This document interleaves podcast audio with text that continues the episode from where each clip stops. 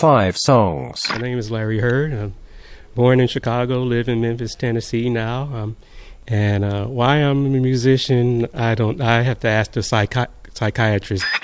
One, two, three, four, five songs. One. The first record I ever bought, it was called "Everybody Is a Star," Sly and the Family Stone.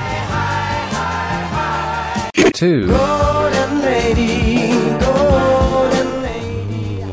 Say anything by Stevie Wonder. I can't name one song. Three.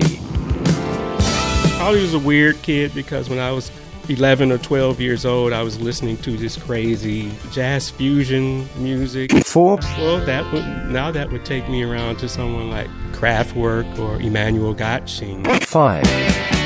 What would be the last song? We gotta go in a different direction. Okay, I gotta say something about Rush. Five songs. Sing songs amb Blai Mercè.